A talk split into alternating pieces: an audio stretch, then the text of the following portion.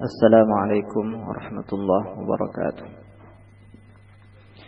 إن الحمد لله نحمده ونستعينه ونستغفره ونعوذ بالله من شرور أنفسنا ومن سيئات أعمالنا. من يهده الله فلا مضل له ومن يضلل فلا هادي له. أشهد أن لا إله إلا الله وحده لا شريك له. وأشهد أن محمدا عبده ورسوله. يا أيها الذين آمنوا اتقوا الله حق تقاته ولا تموتن إلا وأنتم مسلمون. يا أيها الناس اتقوا ربكم الذي خلقكم من نفس واحدة وخلق منها زوجها وبث منهما رجالا كثيرا ونساء. واتقوا الله الذي تساءلون به والأرحام إن الله كان عليكم رقيبا. يا أيها الذين آمنوا اتقوا الله وقولوا قولا سديدا. يصلح لكم أعمالكم ويغفر لكم ذنوبكم. ومن يطع الله ورسوله فقد فاز فوزا عظيما. أما بعد. فإن أصدق الحديث كتاب الله. وخير الهدي هدي محمد صلى الله عليه وسلم وشر الأمور محدثاتها وكل محدثة بدعة وكل بدعة ضلالة وكل ضلالة في النار ثم أما بعد kaum muslimin dan muslimat yang dimuliakan oleh Allah Subhanahu wa taala. Alhamdulillah dalam kesempatan kali ini kita dapat meneruskan kembali kajian kita tentang kitab Riyadus Salihin yang ditulis oleh Imam An-Nawawi rahimahullah yang dalam kesempatan kali ini kita telah sampai kepada bab yang ke-16 yang berjudul Babul Amri bil Muhafazati ada Sunnah wa Adabiha. Ini satu bab menerangkan masalah perintah atau anjuran agar kita senantiasa memelihara as-sunnah dan adab-adabnya agar kita senantiasa memelihara, menjaga dan mengamalkan sunnah-sunnah Rasulullah Sallallahu Alaihi Wasallam dan adabnya, adab kita terhadap as-sunnah. Ini adalah satu masalah yang sangat penting bagi kita umat Islam, bagi kita ahlu sunnah wal jamaah yang sangat menekankan untuk mengamalkan, mempelajari as-sunnah Rasulullah Sallallahu Alaihi Wasallam. Sebagaimana biasa, muallif rahimahullah mengawali setiap bab di dalam kitabnya ini dengan beberapa ayat Al-Quran. Kemudian beliau meneruskan dengan hadis-hadis yang berkenaan dengan bab ini. Saya bacakan dulu hadis-hadis atau ayat-ayat Al-Quran maksud saya di awal dari bab ini.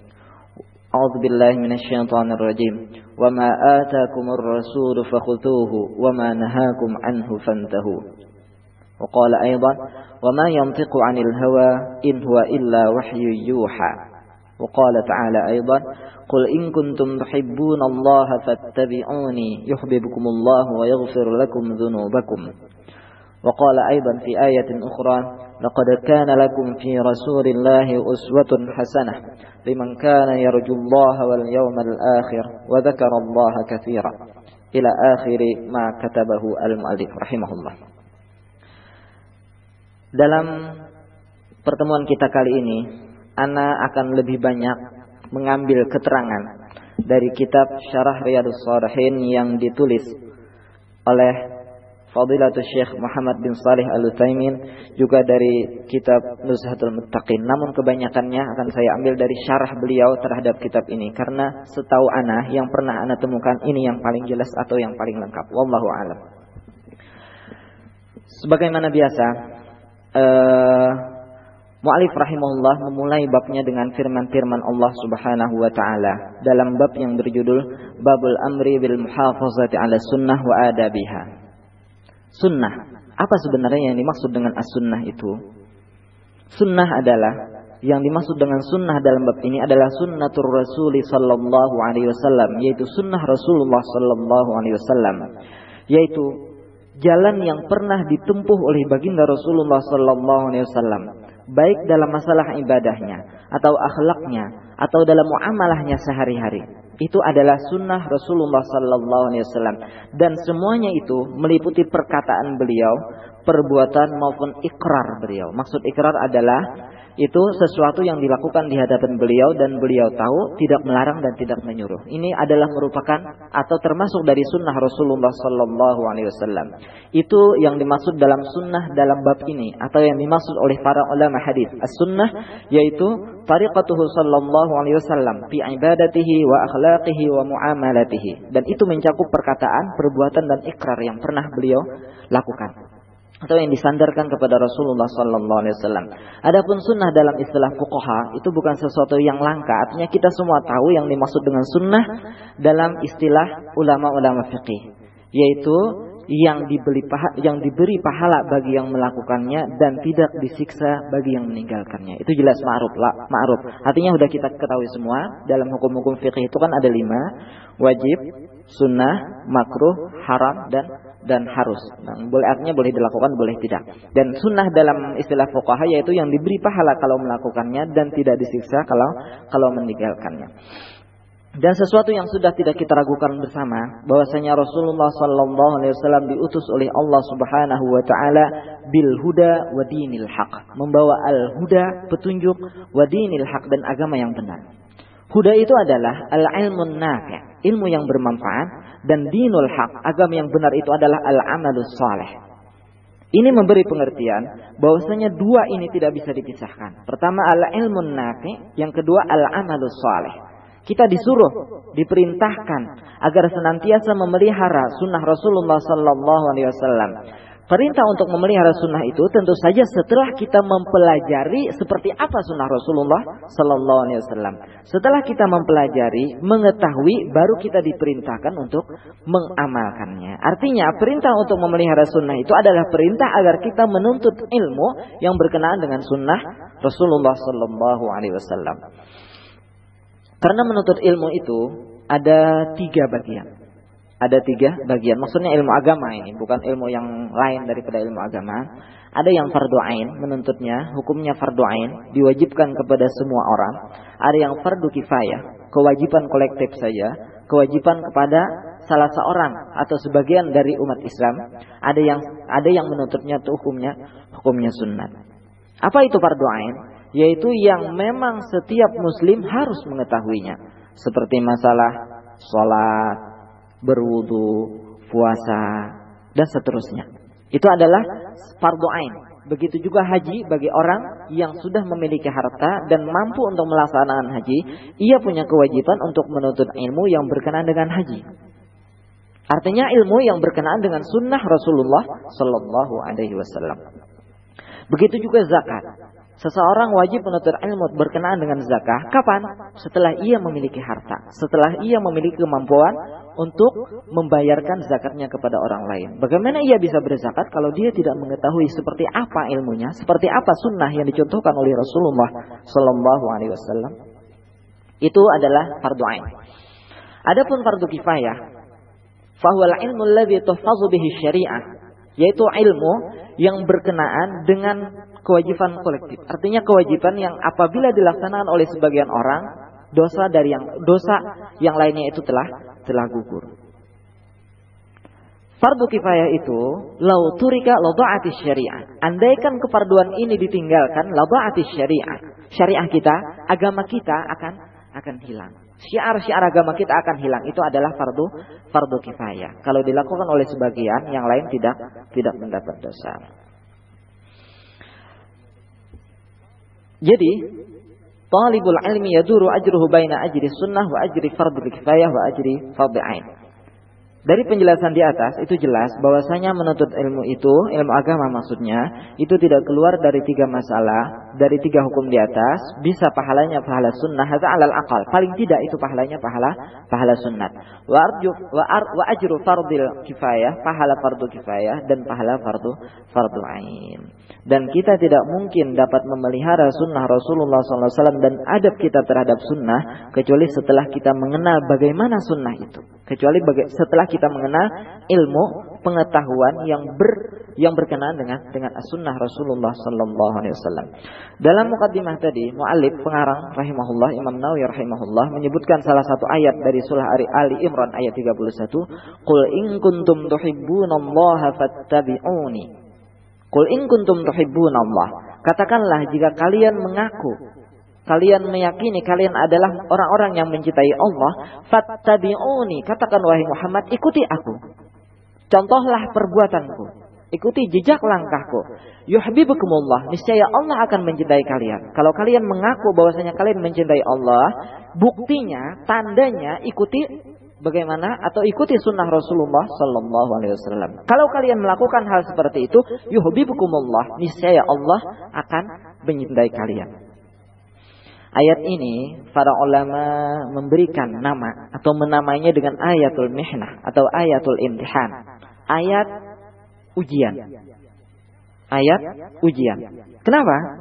Karena Allah menguji dengan ayat ini kepada orang-orang Islam atau orang-orang yang beriman yang mengaku bahwasanya itu bahwasanya mereka itu mencintai Allah. Misalkan mereka mengatakan, "Nah, nuhibbullah," kami mencintai Allah. Itu adalah pengakuan pengakuan yang ada di lidah. Tapi apa buktinya? Untuk membuktikan itu perlu ada imtihan. Benarkah seseorang itu misalkan cerdas, pinter? Itu diuji baru ketahuan apa benar pengakuannya itu bahwasanya dia seorang yang cerdas, seorang yang pinter. Begitu juga orang yang mengaku bahwasanya ia mencintai Allah.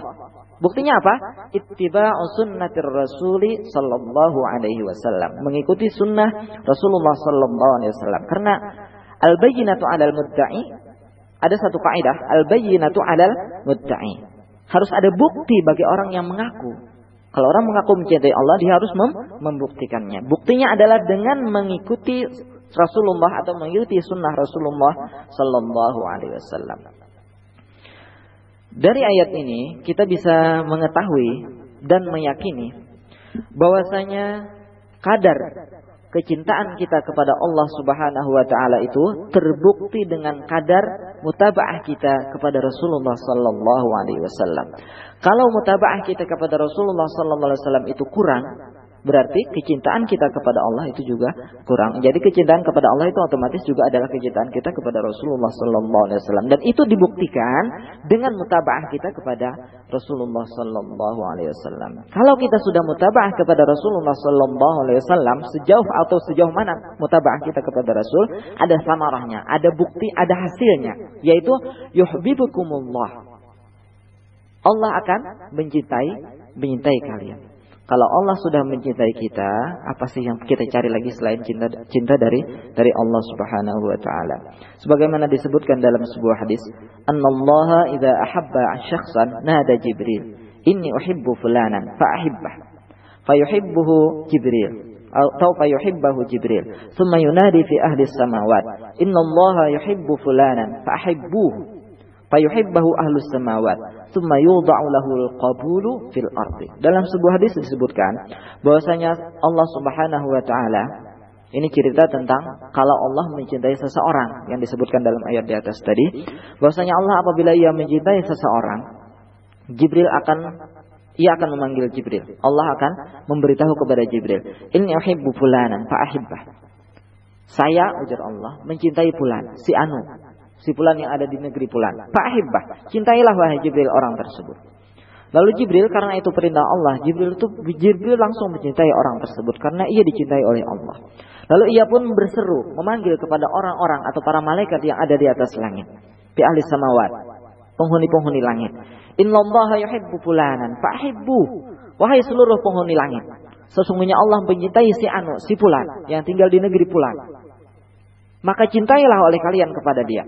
Fayuhibbahu ahlus samawat. Lalu karena itu kabar dari Jibril, orang yang paling cepat yang dipercaya, dipercaya oleh Allah untuk menyampaikan wahyunya kepada para para anbiya dan para anbiya wal mursalin, seluruh ahli langit itu, seluruh penghuni langit mencintai kepada orang tersebut. Sumayul lahul qabulu fil ardi. Kalau sudah Allah mencintai, kemudian Jibril sebagai malaikat yang paling mulia juga mencintai dia. Kemudian seluruh penghuni langit juga mencintai dia. Yulda'u lahul qabulu fil ardi. Ia akan diterima di muka di muka bumi. Artinya diterima oleh orang-orang yang yang beriman. Maksudnya kalau orang kafir itu jelas walan tarda ankal yahudu walan nasara hatta tattabi'a. Itu berbeda masalahnya. Ini maksudnya ahlul ard di sini adalah penghuni penghuni bumi yang beriman kepada Allah dan dan Rasulnya. Kemudian dalam ayat selanjutnya Mu'alif menyebutkan kita masih dalam membicarakan mukaddimah ini masalah ayat-ayat yang berkenaan dengan cinta atau mutabaah kepada Rasulullah sallallahu alaihi wasallam. Wa ma atakumur rasulu fakhudhuhu wa ma nahakum anhu fantahu. Apa pun yang dibawakan oleh Rasulullah SAW atau apa pun yang didatangkan kepada kalian oleh Rasulullah SAW, fakhudhuhu ambil, ambil dan amalkan. Wa ma nahakum anhu fantahu dan apa yang ia larang fantahu, tinggalkan. Jangan kalian lakukan.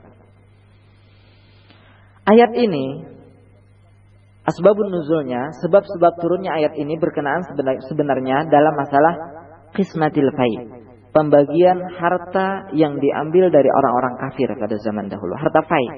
Bukan harta ghanimah, berbeda ya. Ghanimah itu oleh perang, kalau fai tidak melewati perang. Alladhi yu'khadhu min minal kufar yang diambil dari tangan orang-orang kafir. Dalam ayat ini Allah berfirman, "Wa ma atakumur rasul." Maksudnya, apa pun yang dibeli, diberikan oleh Rasulullah sallallahu alaihi wasallam kepada kalian dalam jumlah harta sekian jumlahnya, pakhudhu ambil. Karena itu bagian yang ditentukan oleh Rasulullah sallallahu alaihi wasallam.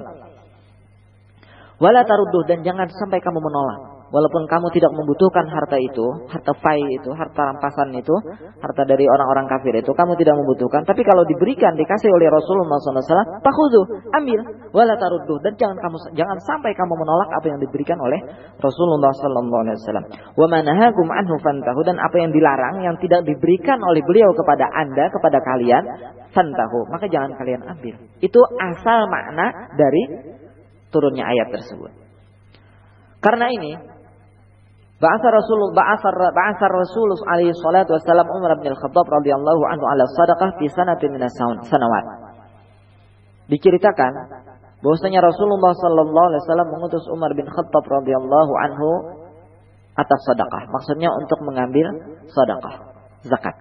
Di sanatin min sanawat dalam pada satu tahun gitu. Dia tidak mualif atau beliau uh, Syekh Salih Utsaimin tidak menyebutkan dalam syarah beliau terhadap ayat ayat ini tahun berapa? Cuma pada satu tahun, pada satu ketika Rasulullah mengutus Umar bin Khattab radhiyallahu anhu untuk mengambil harta harta zakat, memungut harta zakat dari orang-orang yang berkewajiban membayarkan zakat. Lalu setelah menyelesaikan tugasnya, Umar bin Khattab pulang kembali ke ke Madinah. Lalu beliau berkata, Falamma raja'a altah, ketika beliau pulang ke kota Madinah, Rasulullah memberikan kepada beliau itu hak beliau hak beliau sebagai seorang pegawai gitu atau seorang amil yang bertugas memungut zakat dari orang-orang yang wajib membayar membayar zakat. Ketika Rasulullah memberi, Umar bin Khattab berkata, "Ya Rasulullah, tasaddaq bihi ala man huwa afqara minni." Berikanlah harta tersebut kepada orang yang lebih membutuhkan dari saya. Lihat dalam cerita ini. Al-isar fil muamalah itu jelas dari para sahabat Rasulullah sallallahu alaihi wasallam lebih mengutamakan orang lain. Padahal Umar bin Khattab bukan juga ter, bukan termasuk orang yang terkaya di kalangan para sahabat. Ketika beliau diberikan oleh Rasulullah SAW harta dari zakat itu maksudnya hak beliau sendiri. Beliau berkata, Tasaddaq abihi ala man huwa afqara minni. Wahai Rasulullah, alangkah baiknya kalau harta yang kamu berikan, Anda berikan kepada saya itu, Anda berikan kepada orang yang lebih fakir daripada saya. Ini isar. Lebih mengutamakan orang lain dalam masalah muamalah. Ini mustahab, jelas mandub. Tapi kalau kalau al-isar fil ibadah itu makruh ya, dilarang. Isar mengutamakan orang lain dalam masalah ibadah itu dimakruhkan. Seperti masalah eh, sop mengisi sop-sop yang kosong di depan. Ketika ada sop kosong, ketika kita menyuruh orang lain atau mengisi sedang kita lagi lebih memilih di belakang itu makruh. Itu al-isaru fil fil ibadah. Isar fil ibadah itu tidak dianjurkan bahkan dimakruhkan. Tapi kalau dalam muamalah, dalam kehidupan kita sehari-hari itu yang jelas dianjurkan wa yu'thiruna ala anfusihim walau kana bihim khasasah. Ayat, ayat tersebut menceritakan atau memuji para sahabat yang lebih mengutamakan orang lain. Padahal ia sendiri masih membutuhkan. Tapi masih ada menurut pemikiran dia atau dalam perasaan dia masih ada orang yang lebih berhajat daripada daripada dia. Lalu setelah Umar bin Khattab berkata demikian, faqala Nabi sallallahu alaihi wasallam, "Ma ja'aka min hadzal mal wa anta ghairu musyrifin wala sa'irin fakhudhu wa ma la fala tatba'hu fala bala tatba'hu nafsuk." Apa yang datang kepadamu dari harta ini dan kamu tidak menginginkannya ujar Rasulullah dan tidak meminta, hati kamu tidak ingin. Hati kamu tidak berkeinginan mengambil harta itu dan kamu tidak meminta, pakusuh ujar Rasulullah, ambil harta tersebut.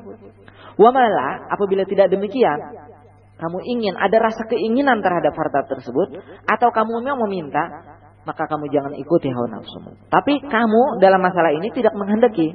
Ketika kamu dikasih ambil, fakhudhu ambil. Nah, fama a'tana Rasul sallallahu alaihi wasallam ma nahana anhu fa innana la na'khudhuhu. Lalu kata uh, kata uh, apa yang diberikan oleh Rasulullah wasallam kepada kami oleh ujar rawi, kami akan mengambilnya dan apa yang tidak beliau berikan kami tidak akan tidak akan mengambil. Ayat ini walaupun berkenaan dengan masalah pembagian harta fai harta-harta yang berasal dari orang kafir itu ketika masa perang. Fa innaha kadzalika binisbati lil ahkam syar'iyyah. Walaupun asalnya dalam masalah pembagian harta, tapi dalam masalah al-ahkam syar'iyyah itu juga sama. Maksudnya, apa-apa yang dihalalkan oleh Rasulullah sallallahu alaihi wasallam, kita harus menerima. Harus menerima sepenuh hati kita tanpa ada rasa berat, rasa ada apa pun dan mengamalkannya, menerima dan mengamalkannya. Apa yang diberikan oleh Rasulullah atau apa yang dihalalkan oleh Rasulullah kita harus menerima dan mengamalkan. Dan apa yang dilarang oleh beliau kita harus meninggalkannya. Itu adab kita terhadap sunnah Rasulullah sallallahu alaihi wasallam sebagaimana yang disebutkan dalam ayat ini, "Wa ma atakumur rasulu fakhudhuhu wa nahakum anhu fantahu." Kemudian Mu'allif Imam Nawawi rahimahullah juga menyebutkan ayat dari surah Al-Ahzab ya. Laqad kana lakum fi Rasulillahi uswatun hasanatun liman kana yarjullaha wal yawmal akhir wa dzakarallaha katsiran. Laqad kana lakum fi Rasulillahi uswatun hasanah. Sungguh adalah bagi kalian pada diri Rasulullah SAW itu ikutan yang yang baik. Bagi orang yang beriman mengharap mm, bagi orang yang beriman yakin kepada Allah dan hari hari kiamat atau mengharap Allah dan hari kiamat. Maksudnya yakin beriman kepada Allah dan dan hari kiamat. Uswah itu maknanya kedua itu jelas. Al hasanah maknanya walih dia sayyi'ah lawan daripada daripada jelek. Nabi Shallallahu Alaihi Wasallam itu adalah ikutan kita, ikutan yang terbaik, suri tauladan kita. Tidak ada yang harus kita ikuti sepenuh hati kita. Apa pun yang berasal dari beliau yang harus kita ikuti itu cuma ada pada diri Rasulullah Sallallahu Alaihi Wasallam. Adapun orang lain sesoleh apa pun ulama tersebut, kalau perbuatannya itu sesuai dengan Rasulullah, kita ikuti. Karena memang Rasulullah seperti itu. Tetapi kalau perbuatan beliau, siapa pun dia, berasal dari kabilah mana pun dia, ilmunya setinggi apa pun, kalau ternyata bertentangan dengan sunnah Rasulullah Sallallahu Alaihi Wasallam, kita tidak tidak mengikuti perkataan maupun perbuatan seseorang. Sebagaimana dikatakan atau diriwayatkan dari Imam Malik kalau nggak salah, kullu kalamin yuqbalu yuqbalu qawluhu wa yuraddu illa kalamullah taala wa sahibu hadza al-qabr ujar beliau. Tiap perkataan itu bisa kita terima dan bisa kita tolak. Siapa pun yang berkata itu bisa kita terima dan bisa kita tolak. Illa kalamullah taala kecuali firman Allah. Kalau itu sudah firman Allah wajib kita menerimanya taslim 100%. Atau wasahibu hadzal qabr ujar beliau dan pemilik kubur ini sambil mengisyaratkan kepada makam atau kubur Rasulullah sallallahu alaihi wasallam. Kalau itu berasal dari Allah dan berasal dari Rasulullah sallallahu alaihi wasallam, kita wajib menerima. Dan dalam apa dalam masalah seperti itu, kita tidak boleh mendahulukan akal. Dalam masalah itu akal nggak bisa, nggak berfungsi, tidak bisa melawan nas. Nas itu yang berasal dari Allah dan, dan dari Rasulullah sallallahu alaihi wasallam.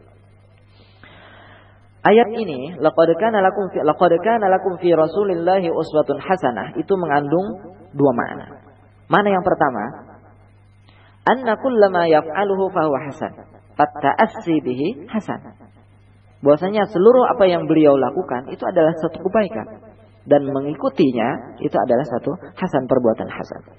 Yang kedua, makna yang kedua dari ayat ini, kita semua diperintahkan untuk mengikuti beliau uswatan hasanah sebagai ikutan yang yang baik. Tidak menambah apa yang pernah beliau ajarkan, apa yang pernah beliau contohkan, apa yang pernah beliau perintahkan dan tidak mengurangi. Karena menambah atau mengurangi yang beliau ajarkan itu bidul hasan lawan dari dari hasan. Bukan baik. Jadi mana pertama mengikuti semua yang beliau lakukan. Mana yang kedua kita semua kaum muslimin diperintahkan untuk mengikuti jejak langkah Rasulullah sallallahu alaihi wasallam tanpa ada penambahan dan tanpa ada pengurangan. Kalau menambah itu merupakan sesuatu perbuatan bid'ah yang dilarang oleh Rasulullah sallallahu alaihi wasallam. Karena siapa yang me, ber, siapa yang berani menambah-nambah apa yang pernah dicontohkan atau yang diperintahkan oleh Rasulullah SAW? Apakah ia seorang seperti Nabi? Jelas tidak. Artinya kita tidak boleh menambah-nambah dan juga tidak boleh mengurangi apa yang dicontohkan oleh Rasulullah. Seperti salat misalkan. Kita tidak boleh menambah selain yang dicontohkan oleh Rasulullah dan juga tidak boleh mengurangi. Misalkan rakaatnya empat kita jadikan lima karena terlalu rajin misalkan. Atau rakaatnya yang sudah jelas empat kita jadikan dua atau jadikan tiga misalkan selain kasar ya maksudnya kalau dua kan kasar itu lain masalah. Selain itu kita kurangi itu jelas nggak boleh.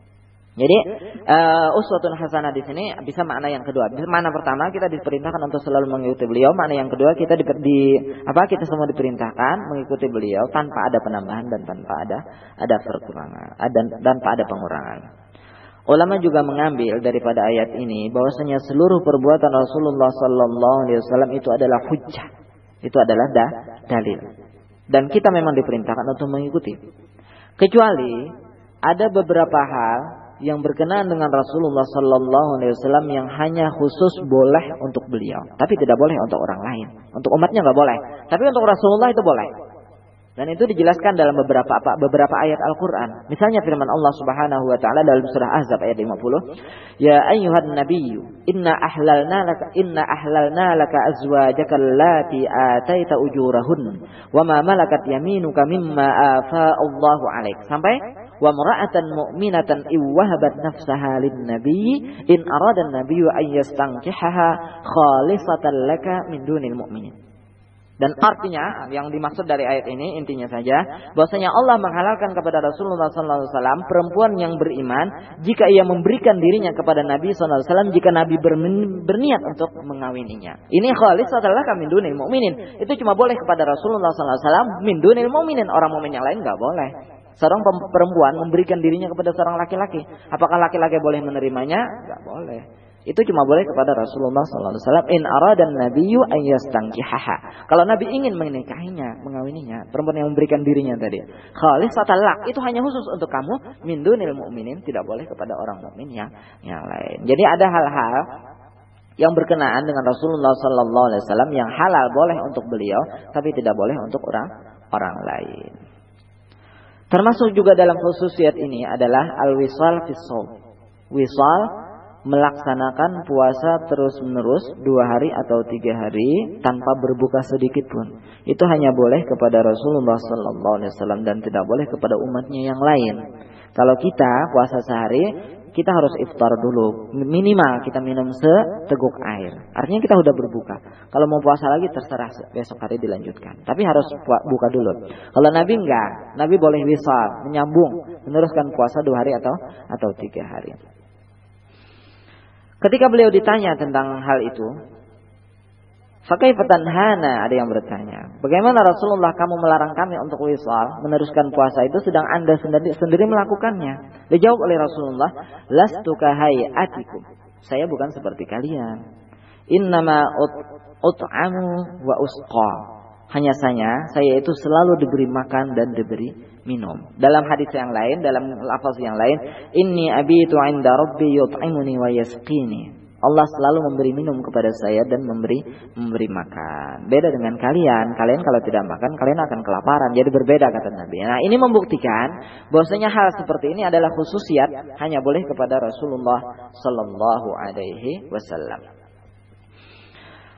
Dalam ayat yang lain, yang masih dalam muqaddimah mu'alif yang banyak sekali tadi, yang banyak disebutkan dalam apa pembukaan bab ini, belum masuk ke hadis pertama kita.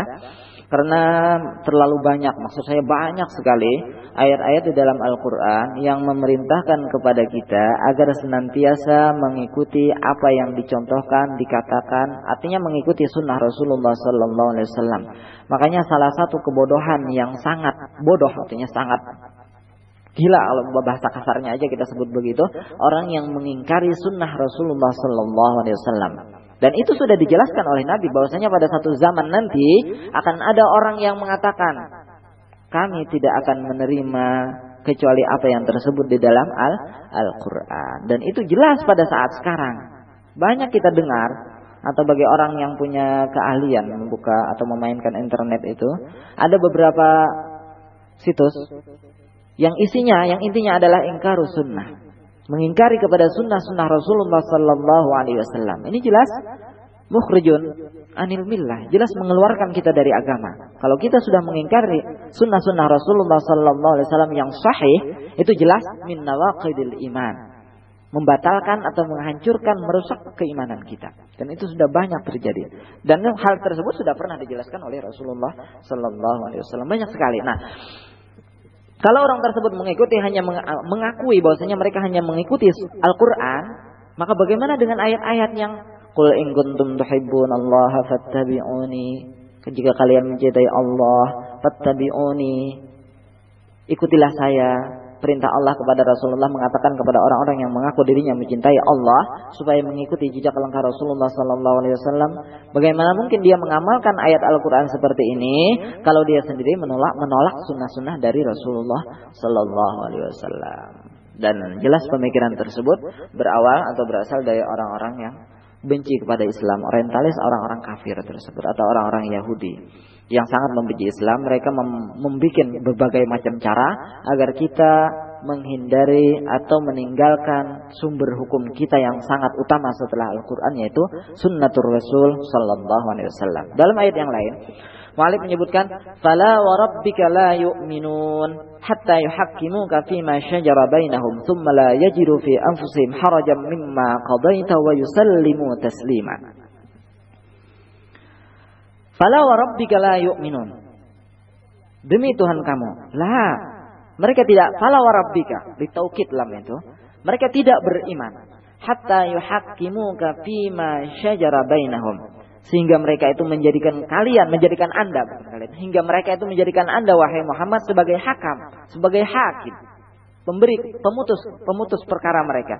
Bima syajara bainahum pada segala hal yang terjadi di antara mereka. Artinya perbantahan, permusuhan yang terjadi di antara mereka, mereka tidak beriman sehingga mereka menerima keputusan yang diberikan oleh oleh Anda wahai Rasulullah sallallahu alaihi wasallam. Kemudian summa la yajidu fi anfusihim harajan mimma qadaita wa yusallimu taslima. Kemudian mereka tidak mendapatkan di dalam diri mereka itu harajan, dhiqan, rasa sempit, rasa berat menerima keputusan Rasul itu. Mimma qadaita dari apa yang telah kamu putuskan wa yusallimu taslima dan menerima dengan penerimaan yang yang murni yang 100% itu tanpa tanpa pengecualian.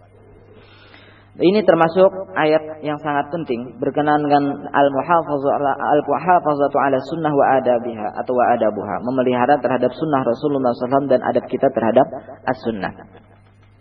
Ayat ini sangat berhubungan erat dengan ayat yang sebelumnya yaitu yang berbunyi ya ayyuhalladzina amanu athi'ullaha wa athi'ur rasul wa ulil amri minkum. Fa in tanaza'tum fi syai'in farduhu ila Allah war rasul in kuntum tu'minuna billahi wal yawmil akhir.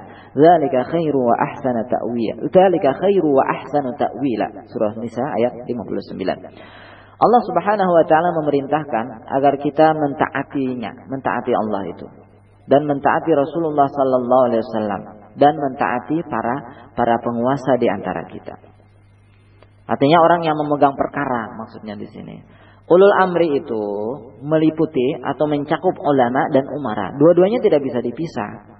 Tidak bisa kalau kita manakan ulul amri itu hanya penguasa, nggak bisa. Juga tidak bisa kita katakan ulul amri itu adalah ulama, enggak. Dan ini dua-duanya, yang termasuk ulul amri itu adalah dua-duanya. Karena para ulama itu orang-orang yang menjelaskan seperti apa ajaran agama Allah ini, ajaran Islam ini seperti apa. Sedangkan para ulama itu pelaksananya.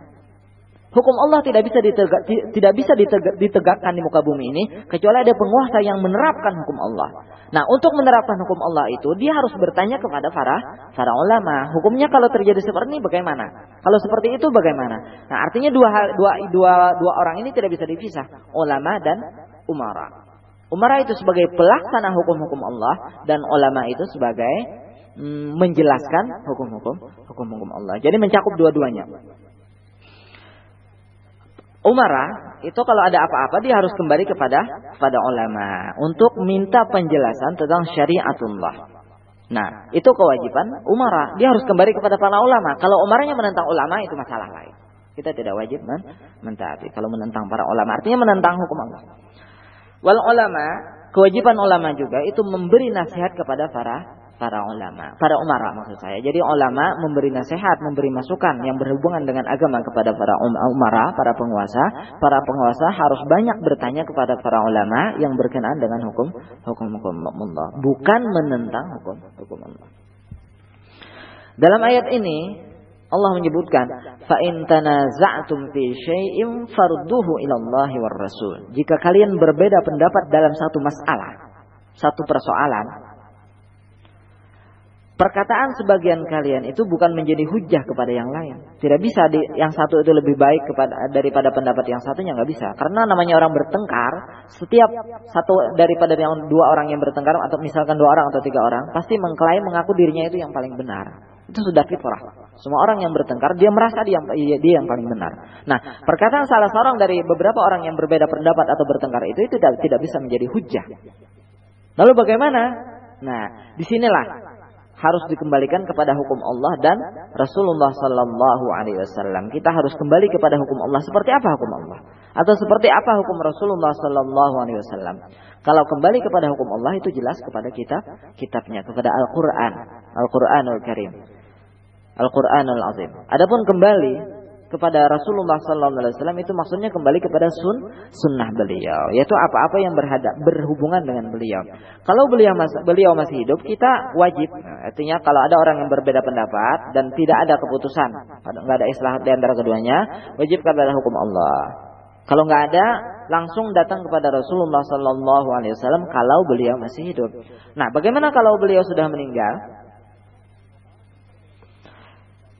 Mereka atau orang yang berbeda tersebut harus kembali kepada sunnah Rasulullah Sallallahu Alaihi Wasallam yang yang sahih. Itu maksudnya farudduhu ilallahi war rasuli in kuntum tu'minuna billahi wal yaumil akhir. Tu'minuna billahi wal yaumil wal yaumil akhir. Dan kembali kembali kepada Allah dan dan Rasulnya. Jika kalian beriman dengan Allah dan dan Rasulnya. Ini termasuk muqtadayatil iman, tuntutan keimanan. Kalau kita mengaku diri kita beriman kepada Allah dan Rasulnya, kita dalam segala hal kehidupan kita, bukan cuma masalah ibadah, dalam muamalah sehari-hari pun, kita harus kembali kepada Allah dan dan Rasulnya. Dan tentu saja, apa memahami Quran, memahami kitab Allah dan sunnah Rasulullah itu sesuai dengan apa yang dipahami oleh para salafus saleh. Dzalika khairu wa ahsanu ta'wila. Kemudian Mu'alif juga menyebutkan dalam ayat selanjutnya, Alam tara ila alladhina yaz'umuna annahum amanu bima unzila ilaika wa ma unzila min qablik yuriduna an yatahakamu ila at-taghut wa qad umiru an yakfuru bih. Kaum muslimin dan muslimat yang dimuliakan oleh Allah Subhanahu wa taala. Istifham dari ayat dalam ayat ini, alam tara ila alladhina yaz'umun. Istifham, awal ayat itu adalah apa? huruf istifham. Itu li ta'ajub untuk menunjukkan ta'ajub ini kagum, aneh, merasa aneh. Yani ala tata'ajjabu min qaumin. Apakah kamu tidak merasa takjub, merasa aneh kepada satu golongan yang mengaku dirinya itu beriman dengan Allah dan beriman dengan Rasulnya? Artinya beriman dengan yang diturunkan kepadamu, beriman dengan Al-Quran dan beriman dengan kitab-kitab yang diturunkan sebelum Al-Quran. Tetapi mereka tidak ingin bertahkim, tidak ingin menyelesaikan permasalahan mereka kepada hukum Allah dan Rasulnya. Dan mereka hanya menginginkan bertahkim itu atau menghukumkan satu masalah itu kepada tauhid, kepada hukum tauhid. Apa itu hukum tauhid? Kullu ma khalafa syariat Allah. Itu setiap hukum yang berbeda dengan syariat Allah. Jadi kalau orang-orang yang mengaku beriman dengan Al-Quran dan beriman dengan kitab-kitab yang diturunkan sebelum Al-Quran, tetapi mereka tidak ingin apa Al-Quran itu sebagai hukum, sebagai sandaran dalam kehidupannya sehari-hari. Justru mereka yang dihukum, yang dipakai dalam kehidupannya atau dalam negaranya itu adalah hukum tawud. Apakah kamu tidak merasa aneh? Merasa bingung gitu orang-orang seperti itu ujar Allah. Alam tara ilal ladzina yaz'umun mengaku mendakwa dirinya beriman kepada yang diturunkan kepadamu maksudnya Al-Qur'an tapi mereka masih bertakim kepada tagut. Tagut itu kullu ma khalafa syariat Allah. Setiap hukum yang berbeda dengan syariat Allah itu hukum tagut. Ini yang sangat menyedihkan kita di mana pun di belahan bumi ini. Banyak sekali kaum muslimin karena tergiur oleh iming-iming harta, karena teriming, apa tergiur oleh iming-iming guru-guru mereka dari kaum orientalis orang Yahudi dan Nasrani itu hingga mereka meninggalkan ajaran agama mereka sendiri dan berhukum artinya memakai hukum yang jauh dari syariat syariat Allah. Ini jelas berasal dari negara-negara Islam yang dijajah oleh orang-orang kafir pada masa penjajahan dahulu seperti negara kita Indonesia yang dijajah oleh orang-orang Belanda. Juga negara-negara Arab sendiri juga dijajah oleh orang-orang Eropa itu. Nah sebelum mereka meninggalkan negara negara kita misalkan Indonesia mereka sudah mendidik orang-orang yang berpikiran jauh dari agar dari pemikiran agama dan mereka itu yang menentukan kawanin, undang-undang yang jauh dari undang-undang undang-undang Islam. Ini yang sangat kita kita sesalkan. Dalam ayat yang lain Allah eh, Mu'alif menyebutkan wa idza qila lahum ta'alu ila ma anzalallahu ila ar-rasul ra'aital munafiqina yasudduna 'anka sududa. Surah An-Nisa ayat 61. Apabila dikatakan orang kepada mereka, Ta'alu ila ma anzalallah wa ila huwal Qur'an. Mari kita memperhatikan atau mempelajari kepada yang diturunkan oleh Allah dan maksudnya jelas jelas Al-Qur'an dan kepada sunnah-sunnah Rasulullah sallallahu alaihi wasallam. Ra'aital munafiqina yasudduna anka sududa. Kamu akan melihat orang-orang munafik itu mereka berpaling darimu. Mereka akan akan berpaling. Masyarul muslimin, kaum muslimin dan muslimat rahimakumullah.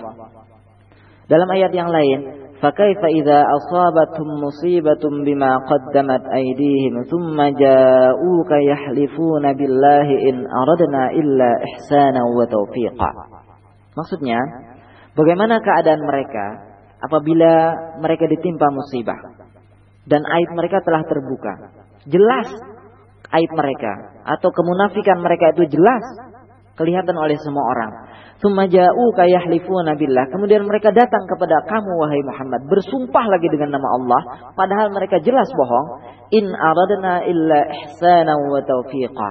Kami melakukan semua itu tidak ada niatan dalam hati kami kecuali ihsan, pengen berbuat baik. Wa taufiqa ingin mensinkronkan, ingin menyesuaikan, ingin taufik, ingin menyesuaikan maksudnya. Maksud menyesuaikan di sini at-taufik baina syariati wa bainal qawaninil wad'iyah.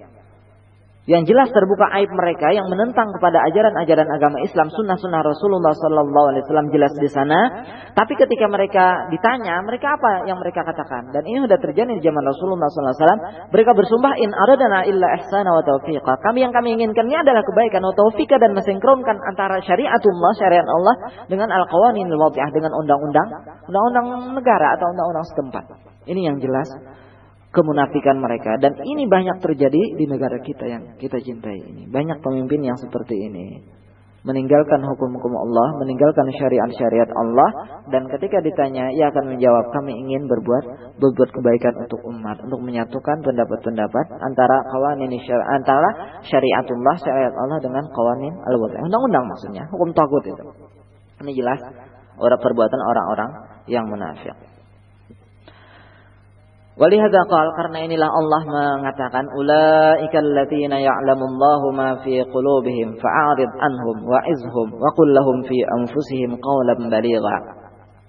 Mereka itulah yang Allah mengetahui apa yang ada di dalam hati mereka. Fa'arib anhum berpalinglah kalian dari mereka. Wa'izhum dan nasihatilah mereka. Barangkali mereka masih ingin atau masih mendapat masih bisa menerima kebaikan. Wa lahum fi anfusihim qawlan bariga dan katakanlah bagi mereka pada diri mereka itu kan perkataan yang yang balik, yang bagus. Maksudnya mereka itu atau keadaan mereka itu Allah sudah mengetahui apa yang tersembunyi di dalam hati mereka. Walaupun mereka menampakkan kepada orang-orang yang beriman seolah-olah mereka itu adalah orang-orang yang beriman dan seolah-olah mereka itu ingin mensinkronkan menyatukan antara syariatullah dengan al-qawaninil wad'iyah dengan undang-undang yang bikinan manusia itu. Lalu apa ujar Allah? Kalau kita menemukan orang-orang seperti itu, fa'arid anhum, maka berpalinglah dari mereka, berpalinglah dari dari mereka. Wa lahum fi anfusihim qawlan baligha dan katakanlah pada mereka itu qawlan balighan, perkataan yang balik yang sampai kepada hati mereka agar mereka bisa menerima nasihat tersebut. Kaum muslimin dan muslimat yang dimuliakan oleh Allah Subhanahu wa taala. Kemudian dalam firman Allah pada ayat yang lain, وما أرسلنا من رسول إلا ليطاع بإذن الله ayat surah An-Nisa ayat 64 dan tidak kami utus seorang rasul pun illa liyuta'a biiznillah kecuali untuk ditaati dengan izin Allah. Maksudnya Ma arsalna rusula lituqra aqwaluhum wa yutrakun. Kami tidak mengutus para rasul itu untuk dibaca saja perkataan mereka itu dan lalu ditinggalkan. Kami tidak mengutus, mengutus para rasul untuk seperti itu. Artinya setelah dibaca perkataan mereka didengarkan kemudian ditinggalkan. Tetapi kami mengutus para rasul itu liyuta'u agar mereka itu ditaati. Apa yang mereka perintahkan itu dilaksanakan dan apa yang mereka larang itu ditinggalkan. Kalau tidak demikian, untuk apa mereka diutus ke muka bumi ini? Risalah itu maknahu wa muqtadahu tuntutannya dan pengertiannya itu an rasula yuta' bahwasanya rasul itu untuk ditaati. Arti ditaati ya dicontoh, dicontoh. Apa yang beliau tinggalkan kita tinggalkan, apa yang beliau lakukan atau yang laksanaan kita laksanakan. Ma arsalna mir rasulin illa liyuta'a biiznillah. Ayat yang lain. Eh, selanjutnya maksud saya, walau annahum idzalamu anfusahum ja'uka fastaghfirullaha wastaghfar lahumur rasul lawajadullaha tawwabar rahima. Surah An-Nisa ayat 64 juga. Maksudnya, bahwasanya mereka ketika mereka berbuat zalim terhadap diri mereka yang mereka sembunyikan di dalam jiwa mereka yang, yang merupakan sebuah kebatilan. Ketika mereka berbuat zalim seperti itu, jauka fastaghfirullah. Mereka datang kepada kamu wahai Rasulullah, fastaghfirullah lalu mereka meminta ampun kepada Allah Subhanahu wa taala. Mereka meminta mohon ampunan dari Allah Subhanahu wa taala. Kemudian wastaghfarta lahu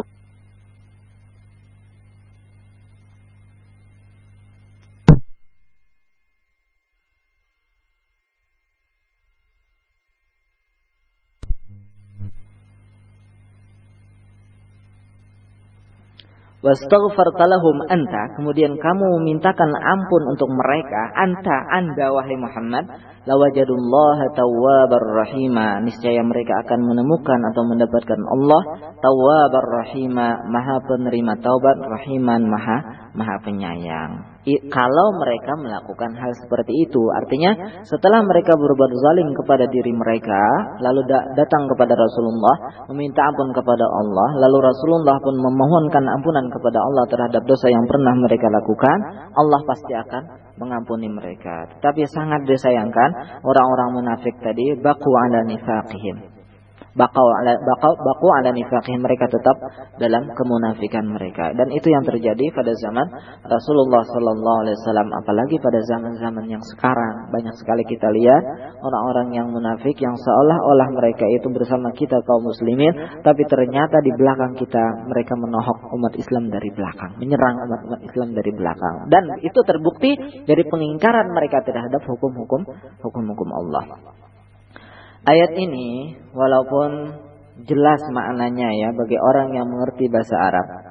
Bahwasanya itu terjadi bahwasanya itu cerita tentang apa yang terjadi pada zaman Rasulullah sallallahu alaihi wasallam. Tetapi sangat disayangkan sungguh sangat disayangkan berdalil dengan ayat ini doatul kubur.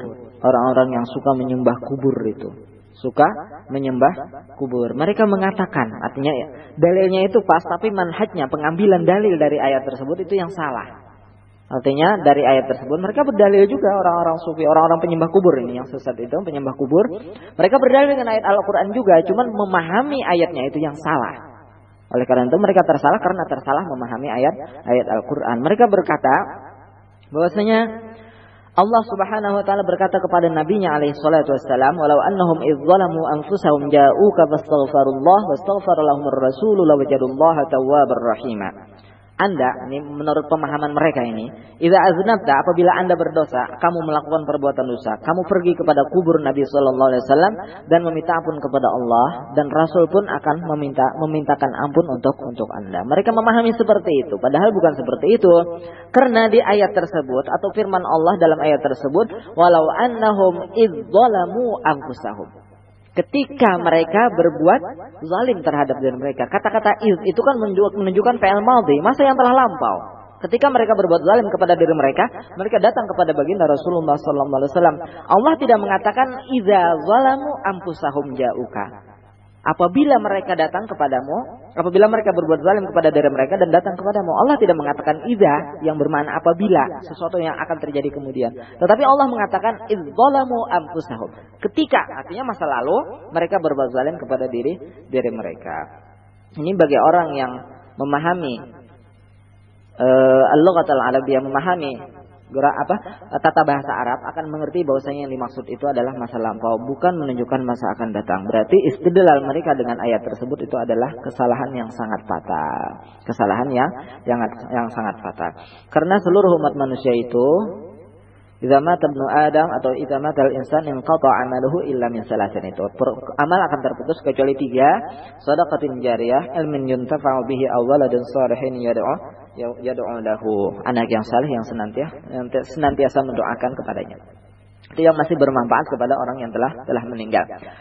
Kesimpulannya adalah bahwasanya dalalah ayat ini itu sama sekali tidak menunjukkan seperti apa yang mereka yang mereka pahami. Itu adalah satu kekeliruan yang sangat fatal bagi doa kubur atau ubadul kubur para penyembah para penyembah kubur. Ma'asyiral muslimin rahimakumullah, kaum muslimin dan muslimat yang dimuliakan oleh Allah Subhanahu wa taala. Masih dalam ayat yang lain tadi, fala wa rabbika hatta yuhak fala wa rabbika la yu'minuna hatta yuhakkimuka fi ma syajara bainahum.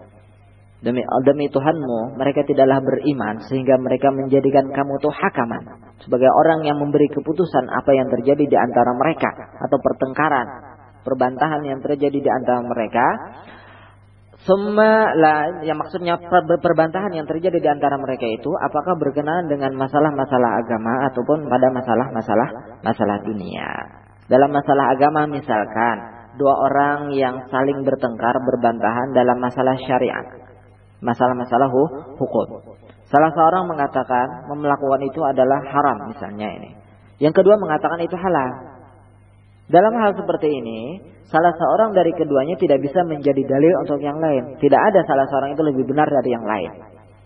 Sampai mereka itu apa bertahkim kepada Rasulullah Sallallahu Alaihi Wasallam. Rasulullah yang akan menjelaskan dalam masalah itu. Ini dalam masalah agama yang disebutkan dalam ayat tadi. Tapi begitu juga dalam masalah dunia, sebagaimana yang pernah terjadi di zaman Rasulullah Sallallahu Alaihi Wasallam antara Zubair bin Awam, salah seorang muhajirin dari kalangan muhajirin dengan salah dengan tetangganya dari kalangan ansar. Mereka berbeda pendapat dalam masalah urusan dunia. Dalam masalah air-air itu, saluran air ceritanya, mereka bertengkar. Lalu keduanya datang kepada Rasulullah Sallallahu Alaihi Wasallam. Bagaimana keputusannya? Lalu Rasulullah memutuskan di antara keduanya itu. Nah, dari cerita ini, bahwasanya yang dimaksud di ayat itu, itu dalam masalah dunia maupun dalam masalah ah, akhirat. Seluruh umat Islam itu tidak beriman kecuali mereka itu bertahkim kepada Rasulullah Sallallahu Alaihi Wasallam. Itu yang pertama, artinya mereka itu beriman kalau mereka itu bertahkim kepada Rasulullah sallallahu alaihi wasallam. Yang kedua, mereka belum bisa dikatakan beriman walaupun mereka bertahkim menjadikan Rasulullah sallallahu alaihi wasallam sebagai orang yang mengambil keputusan sebagai hakim sebagai qadhi dalam satu masalah. Tapi ada syarat yang kedua, summala dalam ayat ini juga, summala yajidu fi anfusihim harajam mimma qadaita bahwasanya orang yang datang atau mereka yang datang kepada Rasulullah Sallallahu Alaihi Wasallam yang bertahkim atau mengambil hukum dari kitab Allah atau dari sunnah Rasulullah Sallallahu Alaihi Wasallam syarat yang kedua dia disebut beriman la yajidu fi anfusihim harajam mimma qadaita. Mereka tidak merasa haraj dik mereka tidak merasa sempit hati mereka ketika mendapat atau menemukan hukum dari Allah dan dan Rasulnya Syarat yang ketiga, wa yusallimu taslima dan tunduk mereka kepada hukum itu sebagai tunduk yang yang sempurna, tanpa ada i'tirad, tanpa ada mengkritik, tanpa ada menentang dari apa yang diputuskan oleh oleh Rasulullah sallallahu alaihi wasallam. Nah, kalau tiga syarat ini terpenuhi, baru orang itu bisa disebut beriman. Ini yang berkenaan dengan sunnah-sunnah Rasulullah sallallahu alaihi wasallam. Saya ulangi. Jadi uh, syarat sempurnanya iman itu itu ada tiga yang berkenaan dengan ayat ini tahkimur Rasul Sallallahu Alaihi Wasallam artinya dalam masalah apa pun kita harus bertahkim kepada Rasulullah Sallallahu Alaihi Wasallam artinya hukum Allah dan hukum Rasulnya kalau kepada zaman kita sekarang tentu saja kepada kitab Allah kitab Al Quran dan sunnah-sunnah Rasulullah SAW dan memahaminya sebagaimana yang dipahami oleh salafus soleh. Bukan seperti faham orang-orang yang menuruti hawa nafsunya atau keinginannya sendiri. Itu yang pertama bertahkim kepada Rasulullah. Yang kedua, ketika sudah menemukan hukum yang dijelaskan oleh Allah dan Rasulnya, setelah ditemukan, kemudian hati mereka tidak merasa tidak merasa sempit, merasa tenang. Dia dia harus merasakan ketenangan dengan hukum yang diputuskan oleh Allah dan Rasulnya. Dan yang ketiga, ia tunduk kepada hukum tersebut ia tunduk kepada hukum tersebut dengan sempurna tanpa ada kritik tanpa ada apapun dari dari hati mereka فلا وربك لا يؤمنون حتى يحكموك فيما شجر بينهم ثم لا يجدوا في أنفسهم حرجا مما قضيت ويسلموا تسليما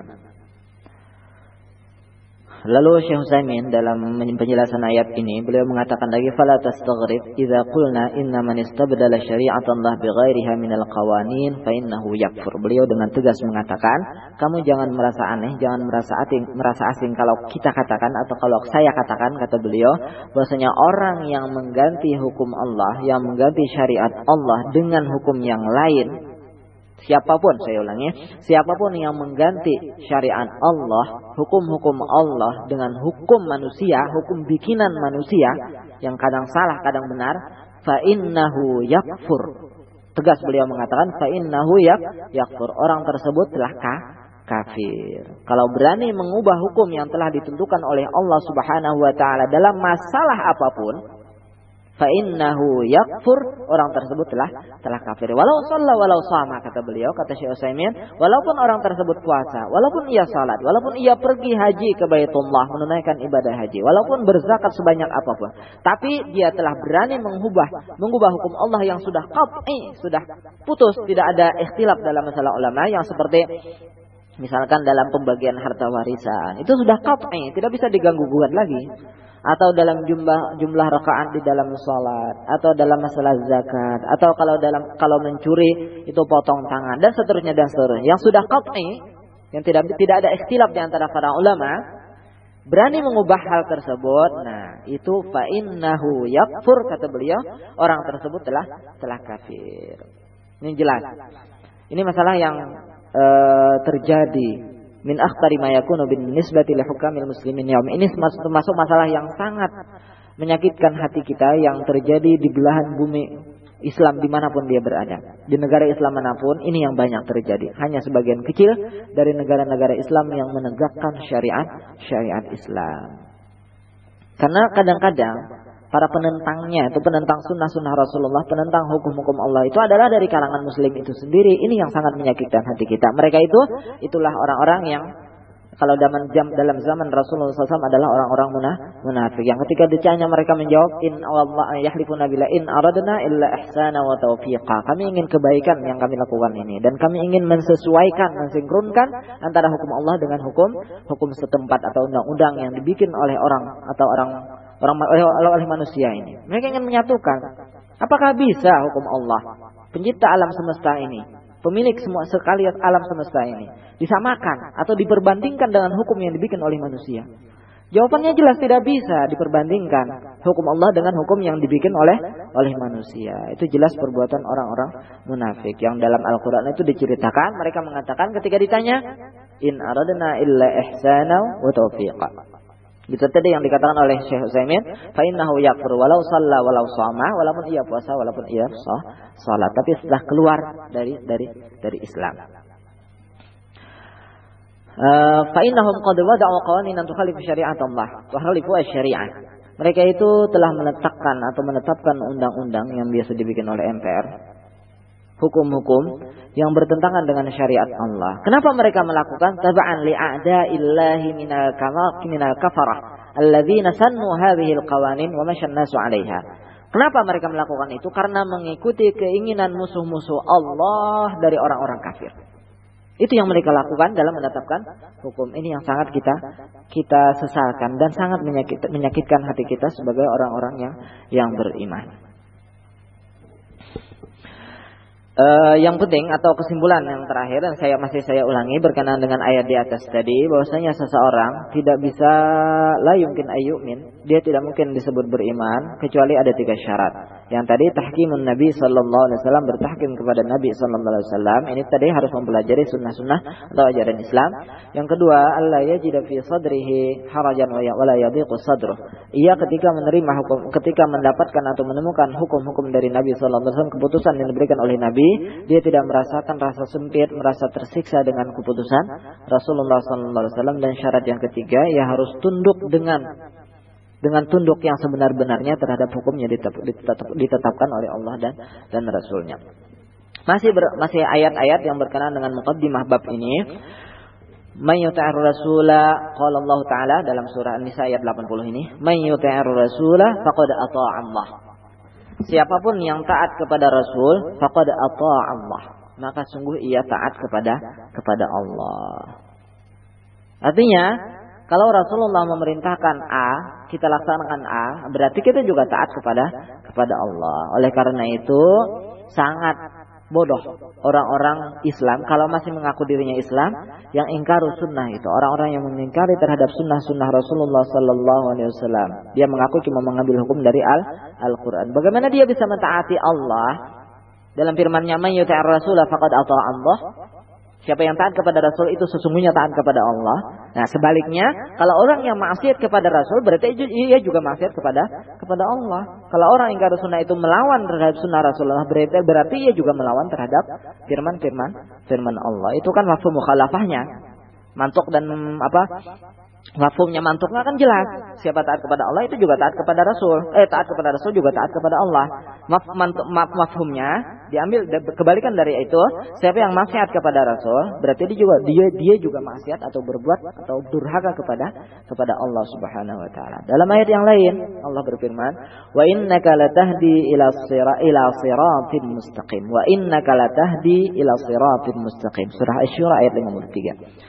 Dalam ayat yang lain lagi, nah, ini artinya wa inna kadang sesungguhnya sesungguhnya engkau wahai Muhammad di ila siratin mustaqim, sungguh memberi petunjuk kepada jalan-jalan yang lurus. Ayat Asy-Syura ayat 52. Dalam firman Allah dalam ayat yang lain, "Falyahzaril ladzina yukhalifuna an an amrihi an tusibahum fitnatun aw yusibahum adzabun alim."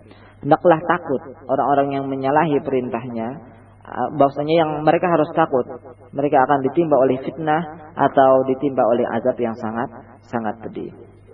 Dalam ayat yang lain dalam surah Al-Ahzab, "Wadhkurna ma yutla fi buyutikunna min ayatillahi wal hikmah." Ini perintah kepada istri-istri sebagian dari Rasulullah sallallahu alaihi wasallam. Dan maka sebutlah atau bacalah apa-apa yang sebutkanlah apa-apa yang dibaca di rumah kalian dari ayat-ayat Allah, ayat surah Ahzab ayat 34 ayat-ayat yang berkenaan dengan kewajiban kita memelihara sunnah Rasulullah Sallallahu Alaihi Wasallam dan adab kita terhadap sunnah itu sangatlah banyak. Wal ayatu fil babi kathiratun. Ujar beliau, ujar mu'alif rahimahullah Imam Nawawi. Ayat yang berkenaan dengan bab ini di dalam Al-Quran itu sangat sangat banyak. Ini cuma di antaranya. Dalam ayat ini tadi yang baru kita bacakan, "Man yuti'ir rasula faqad ata'a Allah." Apa yang dimaksud taat itu? Muwafaqatul amri. Sesuai dengan perintah atau dengan perkaranya. Apakah itu melaksanakan yang diperintahkan atau meninggalkan yang dilarang. Itu taat namanya. Ketika ibu kita atau orang tua kita melarang kita pergi ke pasar. Misalkan. Kita tidak pergi ke pasar, kita taat namanya. Atau ibu kita sebaliknya, ibu menyuruh pergi ke pasar, lalu kita pergi ke pasar. Nah itu juga taat namanya. Begitu juga dengan sunnah Rasulullah Sallallahu Alaihi Wasallam. Tapi apabila dikatakan orang taatun wa maksiatun, maksud taat di sini melaksanakan perintah dan maksiat itu melakukan yang yang dilala, dilarang atau yang di, ditegah.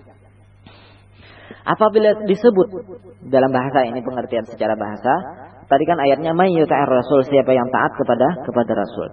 Apabila disebut taat, gitu aja kalimatnya, nggak ada kata-kata yang lain, nggak ada embel-embel yang lain, taat. Nah, maksudnya itu al sabila itlaq ini secara mutlak itu mengandung perintah dan larangan. Maksudnya ia berbuat taat. Arti berbuat taat di situ kan mutlak, kalimat mutlak. Nah, maksudnya ia melaksanakan segala perintah Allah dan Rasulnya dan menjauhi segala segala segala larangannya. Jadi orang yang taat kepada Nabi SAW dalam perintah dan larangnya itu adalah orang yang senang, eh, adalah orang yang muti'an lillahi wali rasulihi orang yang taat kepada Allah dan Rasulnya. Itu mafhum dari dari ayat atau mantukul ayat.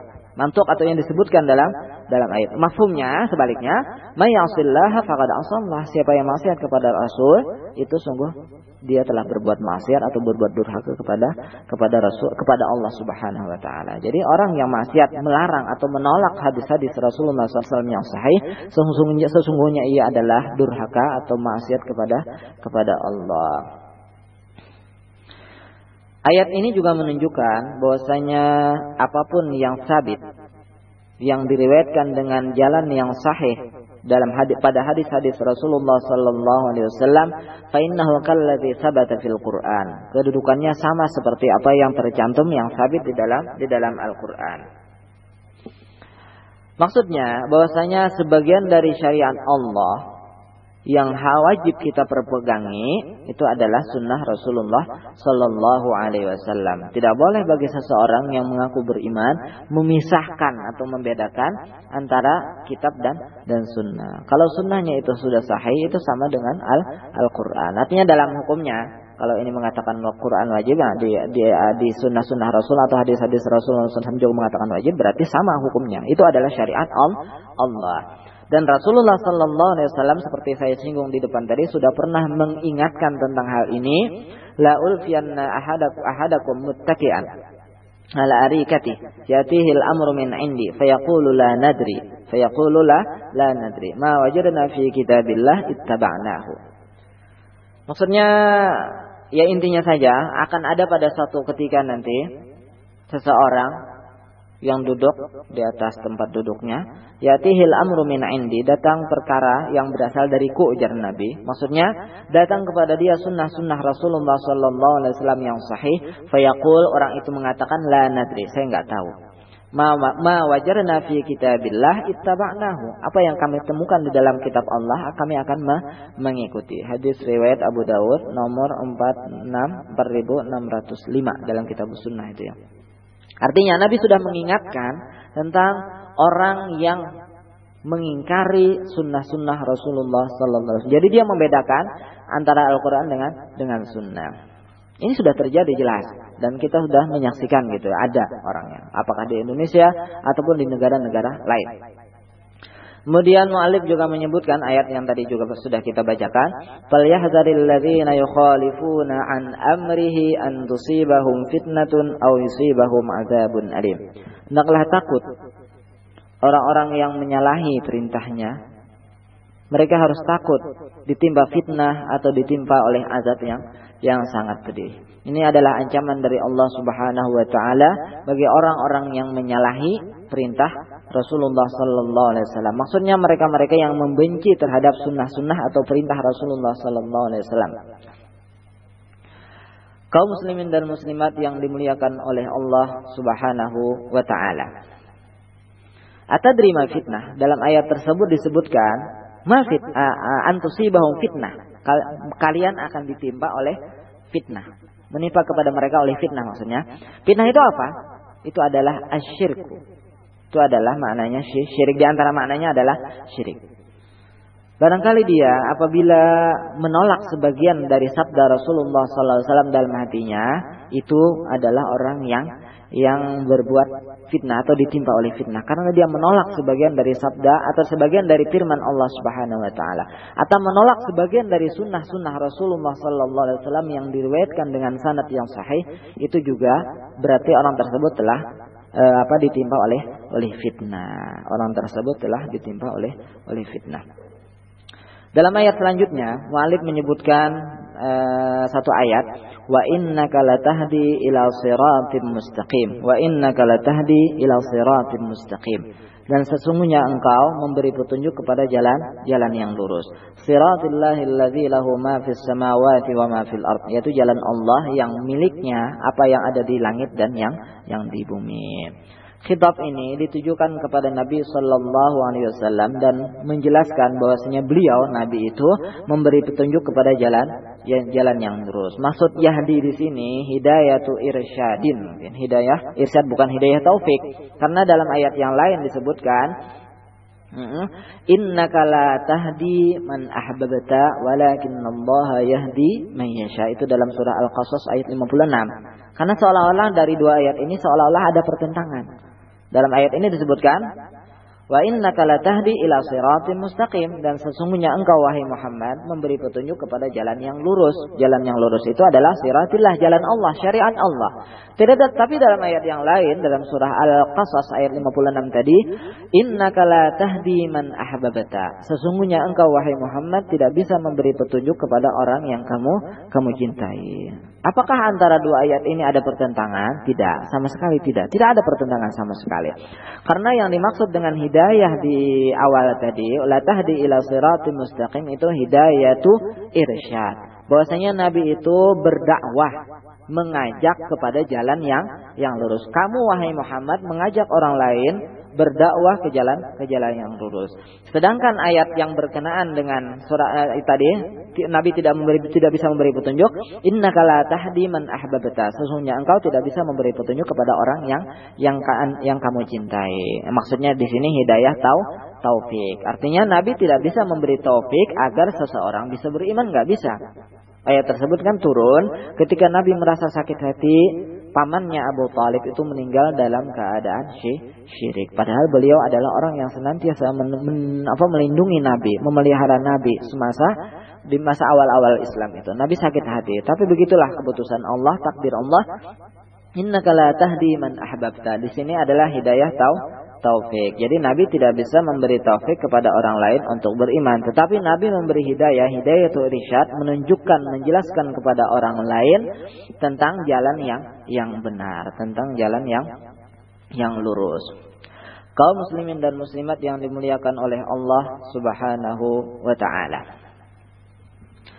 Sekarang kita memasuki hadis yang pertama dari kitab Riyadus Salihin ini setelah kita berbicara panjang lebar tentang ayat-ayat Al-Quran yang berkenaan dengan Al-Muhafazatu ala sunnah wa adabiha kewajiban kita memelihara sunnah Rasulullah Sallallahu Alaihi Wasallam dan adab-adab kita terhadap sunnah itu, terhadap memelihara sunnah itu.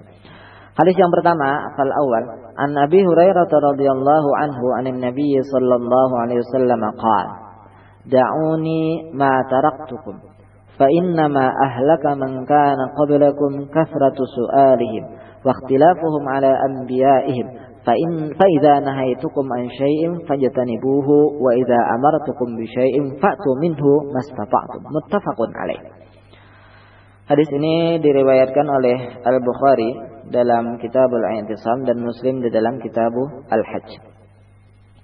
Mu'alib menyebutkan dalam hadis yang pertama dari Abi Hurairah radhiyallahu anhu bahwasanya Nabi SAW bersabda, "Da'uni atau zaruni ma taraktukum."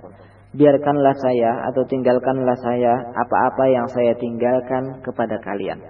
Maksudnya, apa yang telah saya jelaskan itu yang diamalkan.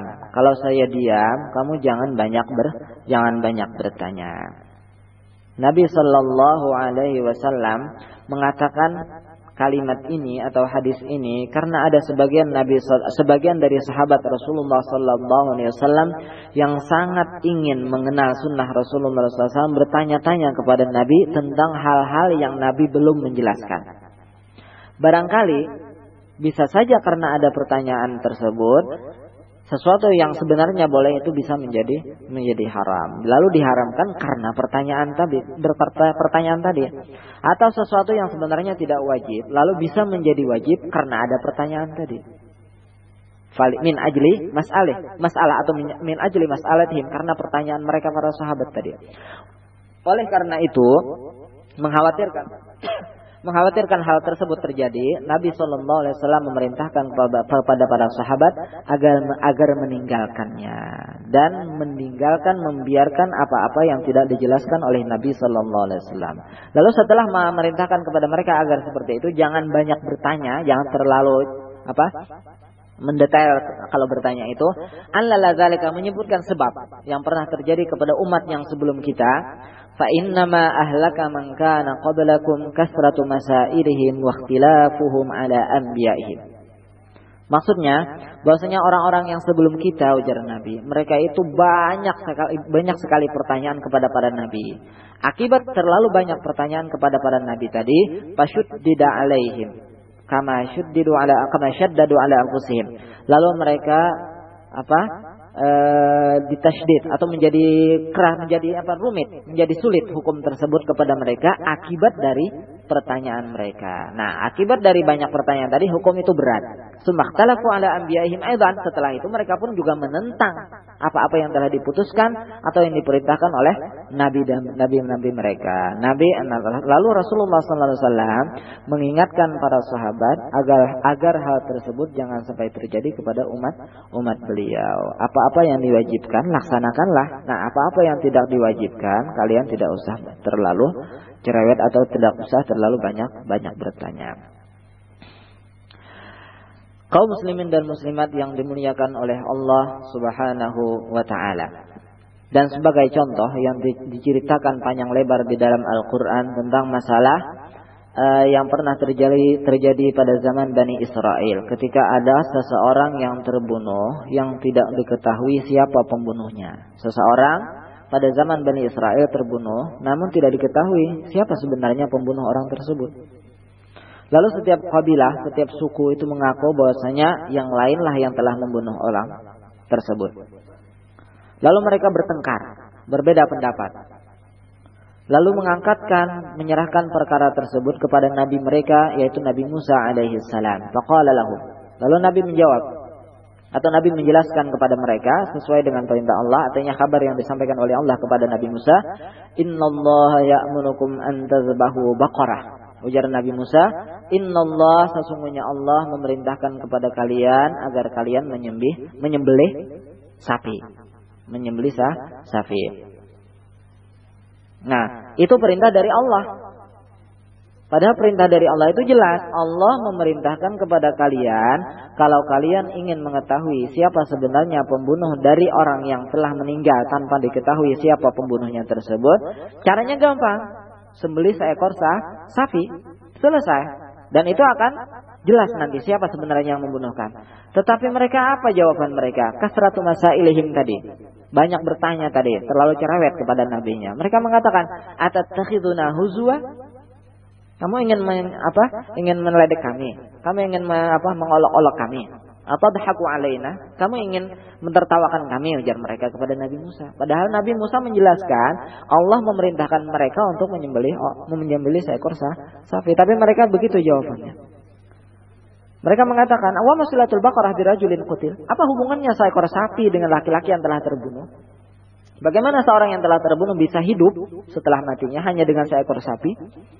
Ini menunjukkan takabur atau sombongnya orang-orang Bani Israel itu. Sampai mengatakan hal-hal tersebut kepada Nabi Musa alaihissalam. Lalu dikatakan Nabi Musa, setelah mereka orang Bani Israel itu mengatakan, Atattakhiduna huzwa?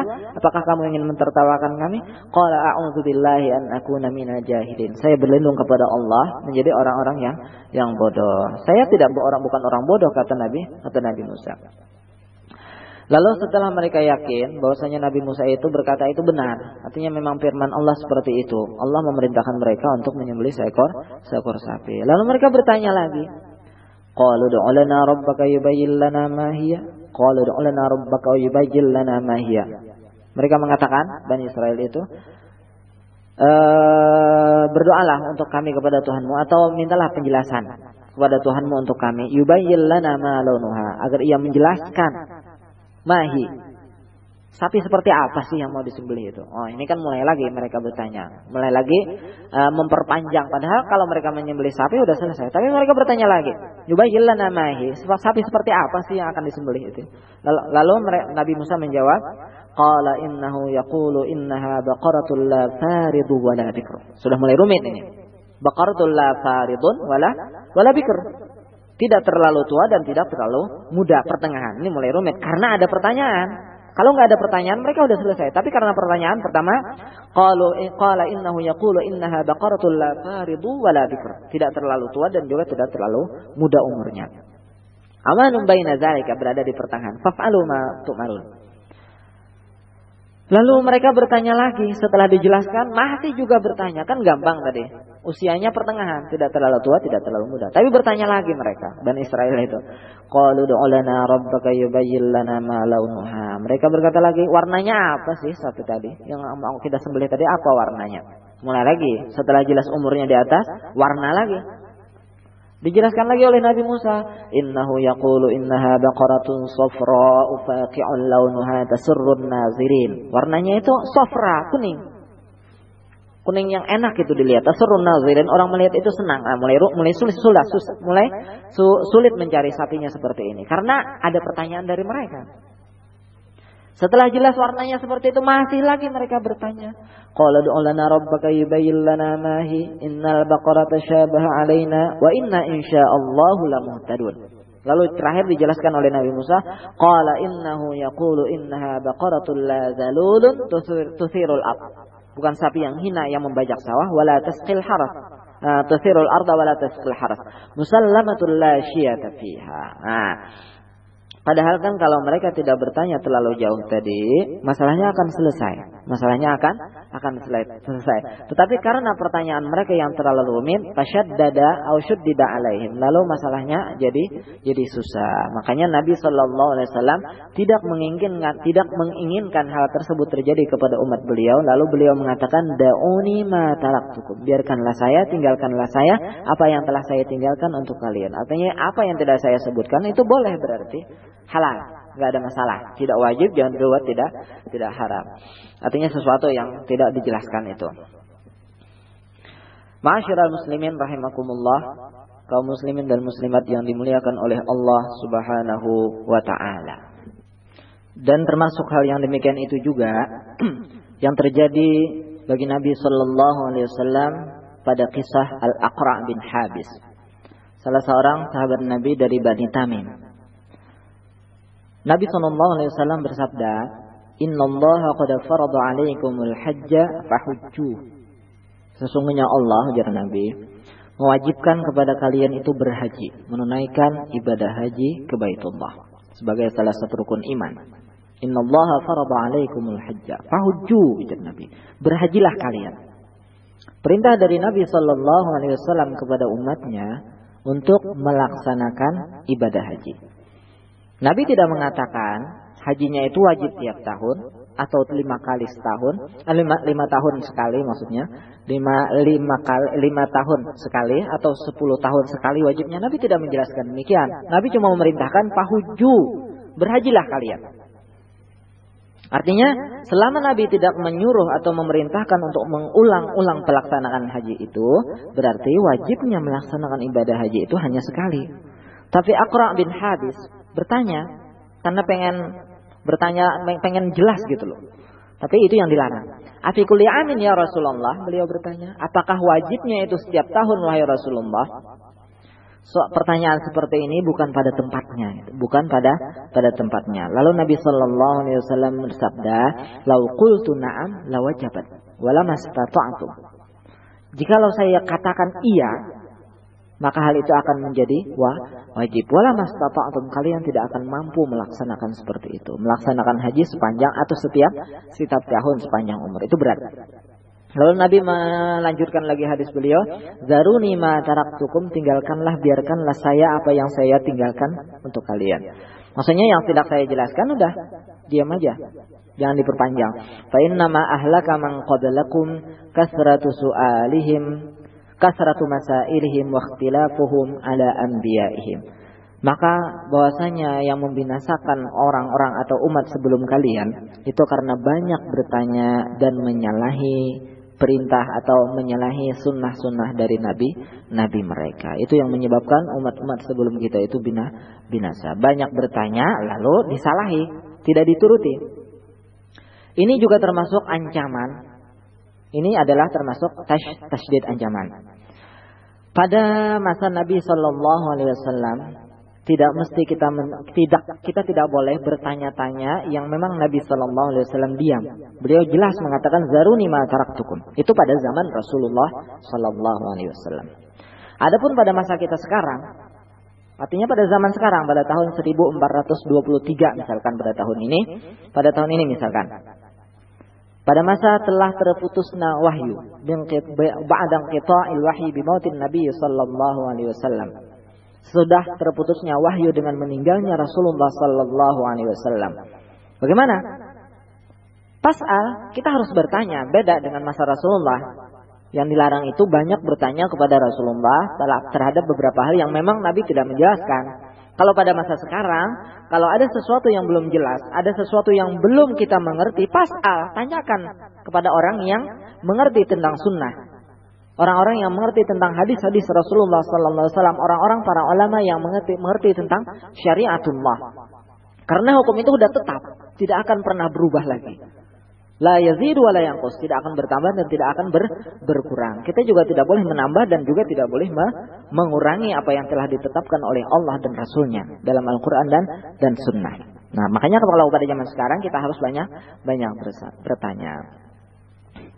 Salah satu kesalahan yang mungkin diberikan atau sebagai alasan bagi orang-orang yang pemalas. Mereka beralasan dengan salah satu firman Allah, "La tas'alu an asya'a in tubdalakum tasukum." La tas'alu an asya'a in tubdalakum tasukum. Jangan kamu bertanya-tanya dengan tentang segala sesuatu jika dijelaskan bagi kalian akan menjelas, menjelekkan atau menyakitkan hati kalian. Dan sabda Rasulullah SAW, "Zaruni ma taraktukum." Ada sebagian orang, sebagian orang awam maksudnya orang-orang bodoh, orang yang tidak mengerti agama, mereka memahami dari kedua dalil tersebut dengan pemahaman yang salah. Mereka berdalil dengan Al-Quran, berdalil dengan hadis, tapi pemahaman yang salah. Ia melakukan hal yang haram, melakukan yang meninggalkan melakukan yang haram, meninggalkan yang wajib dan tidak bertanya.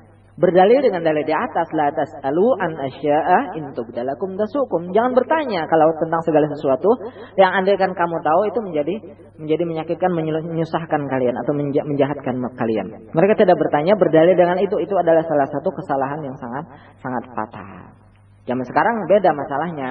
Karena hukum sudah tidak mungkin lagi berubah, tidak bertambah dan tidak akan berkurang. Yang tidak kita ketahui kita harus bertanya kepada orang yang ahli dalam bidang itu. Dan tentu saja kepada orang yang berpaham, yang berdalil dengan Al-Quran dan Sunnah dan memahami keduanya dengan manhaj salafus salih. Sebagaimana yang dipahami oleh salafus salih. Bagi, baik dalam masalah akidah, hukum dan segala macamnya. Tafsir atau penjelasan tentang hadis. Jangan seenaknya memahami menurut kemauan hawa nafsu sendiri. Atau lebih fatal lagi, memahami dalil-dalil Al-Quran berdasarkan guru-guru mereka yang sering terjadi atau banyak terjadi di negara kita. Guru-guru mereka yang jelas mereka itu bukan orang Islam dan jelas mereka bertujuan untuk menghancurkan umat Islam. Kalau memahami Al-Quran seperti itu, ya buat apa? Al-Quran bukan bukan dipahami atau bukan dijelaskan oleh orang-orang yang tidak beriman, tapi dipahami dan dimengerti oleh salafus salih, ulama-ulama yang mengerti bahasa Arab dan mengerti kenapa hadis itu terjadi, kenapa ayat tersebut tuh turun. Mudah-mudahan kita jangan sampai termasuk orang-orang yang yang sesat seperti itu. Wajib terhadap semua umat manusia atau semua orang yang beriman ayyatafaqqaha fi dinillah untuk memahami mem mempelajari dan memahami agama Allah. Seperti disebutkan dalam sebuah hadis Rasulullah sallallahu alaihi wasallam, "Man yuridillahu bi khairan yufaqihu fid din." Siapa yang dikehendaki oleh Allah diinginkan oleh Allah seseorang tersebut mendapat kebaikan, Allah akan memberikan pemahaman dalam masalah dalam masalah agama. Kemudian Rasulullah sallallahu alaihi wasallam bersabda, "Wa idza nahaitukum an syai'in fajtanibuhu." Apabila apabila saya melarang kalian tentang sesuatu, fajtanibuhu, tinggalkanlah. Kalau nak saya kata Nabi melarang, apa pun yang saya larang, fajtanibuhu, utrukuhu, tinggalkan. Wa idza amartukum bi amrin fa'tu minhu mastata'tum. Dan apabila saya memerintahkan kepada kalian dengan satu perintah, satu perkara, satu urusan, fa'atu minhu mastata'tum lakukanlah, laksanakanlah sebatas kemampuan kemampuan kalian. Dalam hadis ini, Rasulullah Shallallahu Alaihi Wasallam membuat atau mengatakan dengan kalimat yang umum dalam masalah larangan. Kalau itu larangan Allah, larangan Rasulullah Shallallahu Alaihi Wasallam, buhu tinggalkanlah. Umum, semua larangan Rasulullah itu harus ditinggalkan. Tapi wa fil amri, Nabi mengkhususkan dalam masalah perintah. Kalau dalam masalah perintah Nabi mengatakan fa'tu minhu. Lakukanlah sebatas kemampuan kemampuan kalian. Kaum muslimin dan muslimat yang dimuliakan oleh Allah Subhanahu wa taala. Adapun dalam masalah larangan, beliau mengatakan manahaitukum an syai'in fajtanibuhu. Artinya, maksudnya sesuatu yang dilarang atau yang dilarang oleh Rasulullah sallallahu alaihi wasallam tentang sesuatu tentang melakukan sesuatu perbuatan tersebut, fa innana natajannabuhu kita harus meninggalkannya. Karena meninggalkan sesuatu perbuatan itu kan lebih gampang dari melaksanakannya. Kalau kita dilarang misalkan berzina, kita tinggalkan kan lebih gampang. Karena itu, kalau yang dilarang itu umum, larangan dari Nabi, kalian harus harus meninggalkannya. Tetapi karena kalimat ini adalah umum, hadis ini ditaksis atau muqayyad, ada kait dengan atau dalam keadaan darurat. Kalau kita dalam keadaan darurat itu masalahnya lain. Dalam sebuah ayat firman Allah dari surah Al-An'am ayat 119, "Wa qad fassala lakum ma harrama 'alaikum illa ma ilaih." Dan sungguh telah Allah jelaskan, Allah rinci kepada kalian apa yang diharamkan bagi kalian atas kalian. Illa ma ilaih kecuali dalam keadaan mudah mudarat. Artinya yang haram itu yang harus kita tinggalkan itu udah jelas. Nah, tapi dalam keadaan mudarat itu masalahnya boleh. Muqayyad. Ini ada kait. Kalau dalam keadaan mudarat itu boleh. Atau dalam ayat yang lain, hurrimat alaikumul maitatu waddamu wa lahmul khinzir. Sampai akhir ayat, faman yuturra fi makhmasatin ghaira mutajanifin ghaira mutajanifin li ismin fa innallaha ghafurur rahim. Dalam keadaan mudarat kita dibolehkan melakukan yang haram tapi sebatas kemampuan. Oleh karena itu, sabda Rasulullah sallallahu alaihi wasallam tadi, "Mana itu kuman syai'in fajatanibuhu" itu muqayyadan bihalat bihalit darurah. Itu ada kait dengan keadaan darurat. Dalam keadaan darurat itu boleh, tapi dengan dua syarat. Seperti contoh yang gampang saja, salah seorang yang berada di tengah hutan, ia kelaparan dan tidak menemukan makanan yang lain, buah-buah kebetulan tidak ada, daun-daunan juga kebetulan tidak ada yang layak untuk dimakan, ia boleh memakan bangkai. Syaratnya ada dua. Itu contoh yang gampang tadi ya. Syaratnya Allah tandafi'a daruratuhu bisiwa. Enggak ada lagi yang dimakan selain yang haram tersebut. Yang kedua, ayyakuna muzilan darurah. Kalau memakannya, apa melaksanakan yang dilarang tersebut, darurat itu hilang. Contohnya tadi yang tadi orang yang kelaparan di tengah hutan tidak ada makanan lain, ia boleh memakan tersebut. Pertama, dengan makan bangkai tersebut, apa? E, kelaparannya hilang dan tidak ada yang bisa dimakan selain bangkai tersebut. Nah, dalam keadaan seperti ini boleh memakai memakai eh, memakan bangkai gitu. Ini adalah syarat. Oleh karena itu tidak dibenarkan atau tidak dibolehkan orang yang berdalil berobat dengan meminum darah misalkan atau air kencing misalkan sebagai obat. Itu jelas nggak boleh. Haram. Berobat dengan sesuatu yang haram itu dilarang karena ada dua alasan. Yang pertama, mungkin uh, masih ada obat yang lain selain itu. Misalkan penyakit ginjal, misalkan sembuh dengan meminum darah. Misalkan ada yang mengatakan seperti itu. Itu jelas nggak boleh karena masih ada obat yang lain. Alasan yang kedua, haramnya meminum obat dengan sesuatu yang dilarang itu nggak ada yang bisa menjamin 100% setelah meminum darah misalkan, ia akan sembuh. Nggak ada yang bisa menjamin. Jadi berobat dengan sesuatu yang haram dengan alasan darurat itu nggak bisa. Itu tidak tidak boleh. Alasan pertama, karena bisa saja dia meminum obat dengan yang selain yang haram, dengan selain darah dia bisa aja. Ada obat yang lain yang bisa menyembuhkan, yang sudah terbukti gitu. Alasan yang kedua, tidak ada yang bisa memberi jaminan 100% dia akan sembuh setelah meminum darah tersebut. Tidak ada.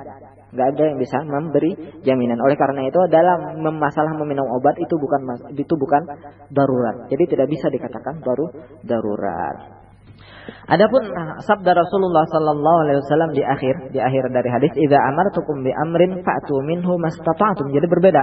Apabila saya memerintahkan kepada kalian dengan satu perintah, maka laksanakanlah sebatas kemam kemampuan kalian. Ini berbeda dengan larangan tadi kalau larangan wajib ditinggalkan. Semuanya tanpa kecuali kecuali darurat tadi ya. Nah, kalau perintah itu bunyinya berbeda. Idza amartukum bi amrin fa'tu minhu mastata'tum. Apabila saya memerintahkan kalian dengan satu perintah, satu perkara, laksanakanlah sebatas kemampuan kalian. Jadi tidak umum ya. Laksanakanlah sebatas kemampuan kemampuan kalian. Kita ambil satu contoh seperti masalah salat. Kita diperintahkan untuk melaksanakan salat dengan berdiri. Tapi kalau kita nggak mampu berdiri, itu kita boleh du duduk. Kalau kita duduk juga tidak bisa karena sakit atau apa, kita bisa ber, berbaring. Di sinilah makna sabda beliau, Fa'tu minhu mastata'tum. Laksanakanlah sebatas kemampuan kemampuan kalian. Kaum muslimin dan muslimat rahimakumullah. Uh, kemudian pada akhir dari hadis dari penjelasan terhadap hadis ini mungkin kita bisa ambil satu kesimpulan bahwasanya apa pun yang didiamkan oleh Nabi Shallallahu Alaihi Wasallam, apa pun yang tidak dijelaskan oleh baginda Rasulullah Shallallahu Alaihi Wasallam, baik itu berkenaan dengan perbuatan ataupun berkenaan dengan makanan, boleh atau tidak, yang didiamkan oleh Nabi Shallallahu Alaihi Wasallam tidak ada penjelasan sama sekali, atau berkenaan dengan muamalah dalam jual beli, perdagangan dan sejenisnya. Kalau yang tidak dijelaskan oleh Rasulullah SAW dan juga jelas tidak ada dalam Al-Quran misalkan, itu bahwa afun, itu dimaafkan. Artinya boleh. Al-maskutu anhu maafun anhu. Hadza min rahmatillah. Ini termasuk rahmat Allah kepada kaum kaum muslimun. Kaum muslimin maksud saya.